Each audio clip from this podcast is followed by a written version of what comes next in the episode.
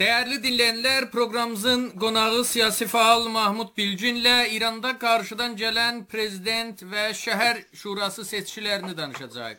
Mahmud bəy, prezident seçkiləri üçün Bir çox siyasətçi namizədliyini irəli sürmüşdü. Bunların təqribən 45-i tanınmış siyasətçilərdən idi, amma Konstitusiyanı Qoruma Şurası 7-sinin namizədliyini qəbul etdi sadəcə. İbrahim Rəisi, Möhsün Rizai, Səid Cəlili, Əlirza Zakani, Möhsün Mehrəlizadə, Əmir Hüseyn Qazizadə və Abdülnasir Himməti Bu sadəcə 7 nəfərin namizədliyinin qəbul edilməsinə baxaraq, yəni bu gözlənilir-dimi son siyahıdan İranın seçki siyasətini təxmin etmək mümkünmü? Təbii, yeni bir strateji hakimiyyət tərəfindən ortaya qoyulub. Yəni iç durumlarına görə və eşib uluslararası e, durumlarına görə e, o əsasda da birbaşa intisab məsələsini ortaya qoydular ki, daha e, keçmişdə ya seçimləri mühəndisi eləyərək Yəni özləri bəlli edir ki, iki dənə aday olsun və adayda da kimi olacaqlığını qabaqcadan özləri bəlli edirdi. Bu dəfə birbaşa intisab yolunu seçdilər. Elə e, demək ki, Möhsün Rizaiç həmişə olardı ki, sayılmaz. Yəni elə e, bir dənə e, fiqur kimi e, görüntüdə olar. E, Səid Cəlili də elə imamın yenə də e, nümayəndəsidir əm, əmniyyət qüvvəsində. Yəni Şuay Əmniyyət Millidə. O da ki, elə e, bəzək kimindir. Meh Əlizadəni bizim üçün, Azərbaycanlılar üçün gətirdilər ki, Azərbaycanlılar bir məsələyə qatılsın. Həm də bəlkə də bir müəyyən bir islahatçı bölümü gətirsin, amma onun o qədər e, prestiji yoxdur. E, nisbət məsələn Pizişin olsaydı bəlkə biraz daha prosent çox gətirərdi. Himməti də bir siyasi qüvvə deyil. O da çox Mərkəzi Bankın məsulu olubdu və ekonomi məsələdən başa çıxır və siyasi məsələ haqqında bilmir. Və bu əsasda bəlli oldu ki, yəni rejim e, elə rəisini müntəsəb edib, seçib və e, cəmaatın iştirak edib etməməsi də və ulusal qarşıda nə deyir deməsi də beləsinə qədər əhəmiyyət sayılmır bu mərhələdə. Yəni İranın sabiq məclis başqanı əslində İslam inqilabından sonra ən çox məclis başqanlığı vəzifəsində olmuş şəxs Əli Laricanini çox e, şəxs e, Laricani çox gözlənilirdi. O da namizəd ola və əsas rəqabət İbrahim Rəisi hazırki məhkəmə sisteminin başqanı və Laricanı arasında gedə. E, bu olmadı. Elədir. Axı bilirsiniz, əsas şey budur ki, rejimin içində təzadlar var idi.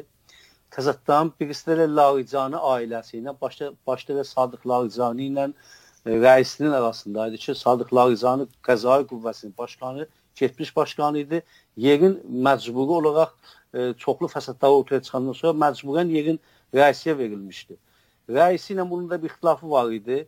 Rejim istəyərdi bu oyuna girərdi və Larican, Laricanı da aday eləyərdi və bunlara qarşı-qarşı gətirdi. Mümkündür ki, bu durumda ola bilərdi neçə prosent seçkiyə qatılma çox olardı. Amma rəisin prestiji çox şeylərdə aşağıya. E, hakimiyyət də e, indi elə bir durumda deyil ki, e, istəyə ki, e, demək ki, qüvvələrini rahat xərcləyə çalışdı ki, e, istədiyi kimin e, intisabı yoluna E, və Lağcan da əvvəldə Sadiq Lağcan əvvəldə gördünüz ki, etiraz elədi. Dedi ki, 20 ildir mən e, e, demək ki, qorucular şurasında olmuşam. Belə bir şey e, görməmişdim. Allaha pənah aparıram ki, bu qədər bilgisizlik. E, ardından Xamenei gəldi dedi ki, imkanata baxaraq e, bir sıra quzarışlar əsasında belə seçildi. Əlbəttə ki, e, səlahiyyətli adamlar da e, qəbul olunmayanların içində vardılar filan. Yəni bir-birlərinə belə bir yumşaq davranmaqlarla yəni, tez e, yumşandılar. E, Ali rəhbərin Seyid Əli Xamneyinin deyirdilər, onun sadəcə müdaxilə imkanı var idi. O da yəni bəlli ki, müdaxilə etmədi, etməyəcək. Siz dediniz, Elə. yəni bunlar doğrudur. Dediniz Laricani rəisi rəqabətində Bəlkə iştirak səviyyəsi biraz daha artıq olardı, ciddi bir rəqabət olardı, amma o iştirak səviyyəsi məsələsindən bunlar vazgeçdilərmi, yoxsa bunun ayrı yollardan bu iştirak məsələsini axtaracaqlar? E, bilirsiniz, keçmiş e, 4 il bundan qabaqdakı seçkilərə diqqət etsək, orada bir e, demək ki, televizyonda bir şov e, ya e, münazirələr getdi. O münazirələrdə hakimiyyətin çoxlu içində olan fisq fəsad üzə çıxdı. Ki, ruhani nə işlər görür, ya məsələn, ruhani birbaşa gəlmişdi rəisi, deyirdi ki, rəisi fəqət adam öldürmədən sonra zindan basmadan sonra əlindən bir şey gəlməz. Və bu bir-birlərini daha ə, heç eləmişlər. Rejim indiki durumda elə bir pis durumdadır içəridə cəmaatın o e, demək ki, ekonomi vəziyyəti, cəmaatın güvənsizliyi hakimiyyətə, e, sonra bu koronanı e, məsələsində, epidemik korona məsələsində bunlar yaxşı müdiriyyət eləmədilər, cəmaatı daha artıq e, hakimiyyətdən uzaqlaşma və nifrət yarandı. E, və ondan sonra da ulusal arası güclərdə o, o Bərcan məsələsində rejim e, daha artıq e, iki qət oyunçuluqdan yox iqtidar göstərmək istəyir. E, Əraqda, Suriyədə, nə bilim, e, bölgədə e, üst-üstə baxı görür ki, ehtiyacı var ki, daha şiddətli kart ortaya qoya. Çünki niyyət yeni bir e, qüvvə ki, gəlibdir üst-üstə e, Amerikaya. Birbaşa e, rejimdən deyir ki, bərzamı qəbul edirəm ki, orada burada güzəştə geç. Və e, hakimiyyət istəyir ki, onlara göstərə ki, məndə bir iqtidar vardı, daha mən keçmişdəşdaşını istəmirəm cümhuriyyət məsələsini oynayam. E, e, cümhuriyyəti kart kimi oynayam. Bəlkə birbaşa iç mahiyyətin, kəmun hakimiyyəti xilafət İslamıdır e, və e, Xameneyi və Beyt rəhbəri və e, Supahın ağırlığıdır hər şeydə. Birbaşa açıq onu oynamaq istəyir. Və düşünürəm ki, bu əsaslarda ki, bu bir yeni bir strateji də hakimiyyət tərəfindən bilir ki, e, Əhmədicad xoş bir söz dedi. Əhmədicad dedi ki, e, e, İran gedir dağılmağa. Cəmaət günbəgün bundan uzaqlaşır və İran dağılmaqdadır və mən bir İranın e, inqilabı adamı olaraq istəməm İran dağılsın, ona görə qatılmışam buna. Yəni bunu Əhməd Nijadın müəyyən faktlar əsasında deyir ki, İran dağılmağa gedir. Mahmud bəy, elə Əhməd Nijad dediniz, yəni İranın sabiq prezidenti, onun xaricində bu gedişatı ciddi tənqid edən də yox. Yəni əslində İranın siyasi mühitində də zaman-zaman gözlənti səviyyəsini çox aşağı gətirirlər. Misal Mir Hüseyn Musavi kimi bir namizədi dəstəklədilər, amma eyni şəxslər sonra gəldilər Ruhaniyə də razı oldular. Ruhaniyə razı olanlar bu səfər gəlib Laricaniyə də belə ona da razı oldular. Bəlkə bu 7 şəxsin içindən də birinə razı olacaqlar. Təbii, təbii. Keçmişdə İran hakimiyyəti daha özünə mütməyin idi cəmaatın içində. Çünki elə fəqət bəsici tutsaydıq, azı bir 10 milyona qədər bəsit var, qüvvəsi var İranda ki, rejim onları yetişir maddi baxımdan və bunlar həmişə rejimi qoruyublar. Yəni İranın hər zaman İran e, içər, İran e, İranın içində azı bir 10-15 milyon özünə aid bir qüvvələri olubdu. Amma bu dəfə e, iş ekonomi məsələ saydığım o fəsad o və işlərində olan təzadlar o qədər şiddət tapıb ki, rejimin öz bədənəsindən çox ciddi tökülmələr başlayıbdı. Yəni fikirləşin ki, bəsicə danışdığı Tehran özü e, bu məsələlərə e, etiraz edir. E, nə bilim, hakimiyyətin e, ruhanisi etiraz edir ki, prezident prezident mövqeyiyyətindədir. E, yəni islahatçılar e, biləxərə hakimiyyətin bir bölümüdür, hamısı etiraz edir.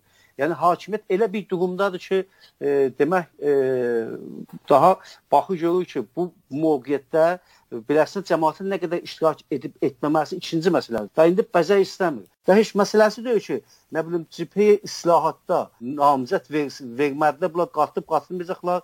E, bunlar indi daha yetişirlər opozisiyon tərəfə gedirlər təbii. Yəni hər kəs öz hesab kitabını edir bu ortalıqda. Hakimiyyət ki, birbaşa beyt rəhbəri olsun. Bu hesab kitabı nədir ki, indi mənə daha bəzək lazım deyil. Mənə indi mühüm budur ki, 30%, 20% olacaqdır, daha 40-50% olmasın. Mühüm mənə budur ki, istədiyim təkin çox aramışla mühürləri e, biabır etmədən öz qüvvələrimi həm qüvvə qəzaya əlindədir, həm qanunverici qüvvə ki, qalibafdır rejimin yenə də rəhbərinin əlindədir, Sparta közəllərindədir və beləliklə çox bir hakimiyyət demək ki, İslami ya xilafət İslamının e, şəraitin ortaya qoyur. ki, biz buyuq, bu eləyirik eyni Suriyənin indiki bu seçkiləri kimi. Mütləq Suriyaya yetişəndə İngilisi, Fransası, Amerikası, Almanı ortaq bildiri verir. Deyir ki, seçkilər qeyri-demokratik tanımırıq. Amma İrana yetişəndə susurlar. Niyə susurlar? Çünki mənfəətləri var bu bölgədə. Bunlar atom məsələsində də e, belə çalışırlar ki, başda eləsinlər. E, tüm mənfəətləri var burada. Neft məsələsidir. Bölgədə İranın müəyyən qüvvələri vardı. E, təzadları vardı İrandan. İstə onlar həll eləsinlər. Ona görə başlarının əllə səslərini çıxartmırlar. Amma İranda yaşayan millətlərə yetişəndə durum fərqlidir. e, İranda yaşayan millətlərə baxışı ilə məsələyə yetişəndə dediyim kimi e, orta təbəqə e, və islahatçılar keçmişdə rejimdən uzaqlaşmışdılar. E, yəni onlar ki e, rejim kimi düşünmürlər, e, rejimin o ideolojisin e, əhatəsində onlar uzaqlaşmışdı. İndi isə bu dövrdə rejimə aid olan qüvvələr rejimdən uzaqlaşdırma, uzaqlaşmaqdadırlar. Və bu e, rejim üçün daha keçmişə kimi manovra bilmir, oynaya bilmir. Rejimin dağılması və inqilab məsələsi gündəmə gələcəkdir gələcəkdə. E, rejim görüntüdə bu olur ki, rejim bidəst olur. Birbaşa Xameneyi təslim tutur, rəisi icra edir, Qalibov onu tedrin edir, işlərində heç təzad yoxdur, amma o şey ki, utuzurlar, özləri də bilirlər, əldən verirlər. O da budur ki, öz bədənələrində Supahın bir bölümünü əldən verirlər, Bəsicin bir bölümünü əldən verirlər, nə bilim, e, Bunyad Musaz Əfinin e, nümayəndəsi özü hazırlamışdı, aday olsun, Dehqan, o özü narahat olur, e, o başdan e, nə bilim Said Məhəmməd özün məsələn fikirləşirdi ki, bunu seçəcəklər. E, hər halda Hüseyn Səlaminin yəni e, Fərmandayə Supahı Supahın müşaviri imiş, özünü aday etmişdi. İndi e, məcbur qalır eşdə qalsın. Ya mütəhərrib, yəni rejimin öz layihələri daha birbaşa opozisyon mövqeyiyyətinə gedir. E, Mahmud bəy, bu namizədlərdən İbrahim Rəisi, hətta bəziləri ona gələcəkdə Seyid Əli Xameneyinin yerinə e, dini lider ola biləcək şəxs olaraq onun adı çəkilir. Onların içində bir də E, Mehrəlizadə keçmişdə türklərdən səs almışdı. Bu səfər ən azından bir iştirak səviyyəsini yüksəltməyə bunun gücü olacaqmı? Bu sualdan öncə bunu işarə edeyim ki, e, bu ki Xameneyinin yerinə rəisini hazırladılar. O o da bir fikirdir, amma ki e, məncə Mustafa Xameneyi daha buna uyğun e, üstündə çox işlənir Beyt rəhbəridə. Mustafa Xameneyinin üstünə biraz diqqət edək gələcəkdə. Amma ki e, Mehrəlizadə sualına gələndə keçmişdə e, seçkilərdə Azərbaycanlıların çoxluğu hələ hakimiyyətdən e, o cür bölünməmişdi, ayrılmamışdı. Hələ umidlər bu ki, islahat eləyə bilər, bu problemləri həll eləyə, nə bilim, ana dilimizi, ümumi görünümü, nə bilim, milli haqlarımızı, ekonomi e, bu e, ayrımçılığı. E, ona görə düşünürlər ki, əgər bir Azərbaycanlı olsa, eləyə bilər bunların mənfəətlərini qorusun sistemin içində. Və bu əsaslardır ki, biz gördük ki, Mehrəlizadə 1 milyon 200 min dənə və ümumiyyətlə Azərbaycan bölgəsinə səs çəkdi. E, və digər bölgələrdən heç əslən səs çəkmədi. Amma bu dəfə durum çox fərqlidir. Bu dəfə e, hakimiyyətin öz dairələrindən dedim ki, dedim kimi belə tökülən qüvvə çoxalıb yəni bəsis tərəfindən ki, çoxlu qüvvələr hakimiyyətə bağlıdır, ya rejimi qəbul edirdilər, daha indi yavaş-yavaş bir tərəf ya hətta opposision mövqeyinə düşüblər. E, və bu əsasda düşünürəm ki, e, Mehrəlizadə e, üçün özəlliklə də Mehrəlizadə o seçimdən e, son dəfə ki qatılmışdı. O vaxtdan indiyə kimi bu heç bir iş Azərbaycanla bağlı danışmadı, eləmədi. Azərbaycanlıların içində e, tam vicəsiz bir halətə gəlibdi. Pizişyan olsaydı, nisbət Pizişyan e, buna görə e, uyğun şəraitləri üçün hər halda nə olmalısa müəyyən bir danışıqları orada burada federalizmlə bağlı, nə bilim, e, düzdür mühafizəçi adamdır Pizişyan və sistemin içində ciddi bir işlər görə bilməz idi. Amma nisbət mexanizmlərə görə müəyyən qədərcə səs toplamaq şansı vardı, amma rejimin İrançılıq sisteminə qarşı problemlər də yarada, yarana bilərdi. Çünki rejim əslində onun xeyrindən keçdi. Dedi ki, 5-4-5% aşağı olsun, Mehrəlizadə olsun ki, tam biz dediyimiz kimi davranır.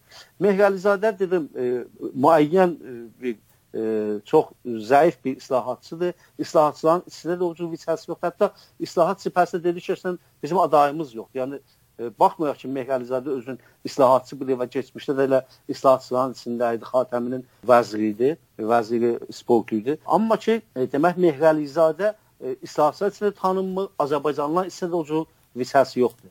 Və düşünürəm ki, çox bir az bir səsinlə ortada olacaqdır, yəni aparıcı bir şeydir. Amma Azərbaycanın müstəqil qüvvələrinə, siyasi təşkilatlarına gələndə durum fərqlidir. Təbii, ümumiyyətlə, yəni heç bir Azərbaycan siyasi təşkilatı prezident seçkilərinə qatılmaq istəmir və hamısı deyə bilərəm ki, 100%, 100 qəbul edirlər ki, bu seçkilər e, intisabatdır, oyundur və burada Azərbaycanın heç bir mənfəəti yoxdur və rejimin oyununun bir parçası olmaq istəmir ümumiyyət. Amma ki, şurada düşünürəm ki, Batı Azərbaycan məsələsini rejim əlində alıb oynatmaq istəyir, ildə kimi də oynadıbdı e, və çalışır ki, bu vəsilə ilə o seçkidə iştirakını çoxalsın. Azərbaycan Milli Hərəkatı düşünürəm o qədər bir e, e, düşüncə əsasından irəliləyibdir ki, rejimin bu oyunlarına qatılmayacaqdır və üst-üstə e, nə şura məsələsi, nə parlament məsələsi, nə seçki məsələsini ümumiyyətlə boykot edəcəkdir. Yəni qoy bunu açıq deyim biləcək. E, Yeni Cəmoh lideri Dötür Lətif bəy Həsənli e, e, açıq e, son danışığında ki, neçə gün bundan qabaq yaydı içəridən işarə etdi ki, öz şuurumuza hörmət qoyaraq azad və şəffaf olmayan seçkilərdə qatılmayaq. Yəni bu özü daha e, çox e, tanınmış bir siyasi demək ki, e, rəhbərlərimizdən içəridə e, milli hərəkatın fikrini ortaya qoymuşdu.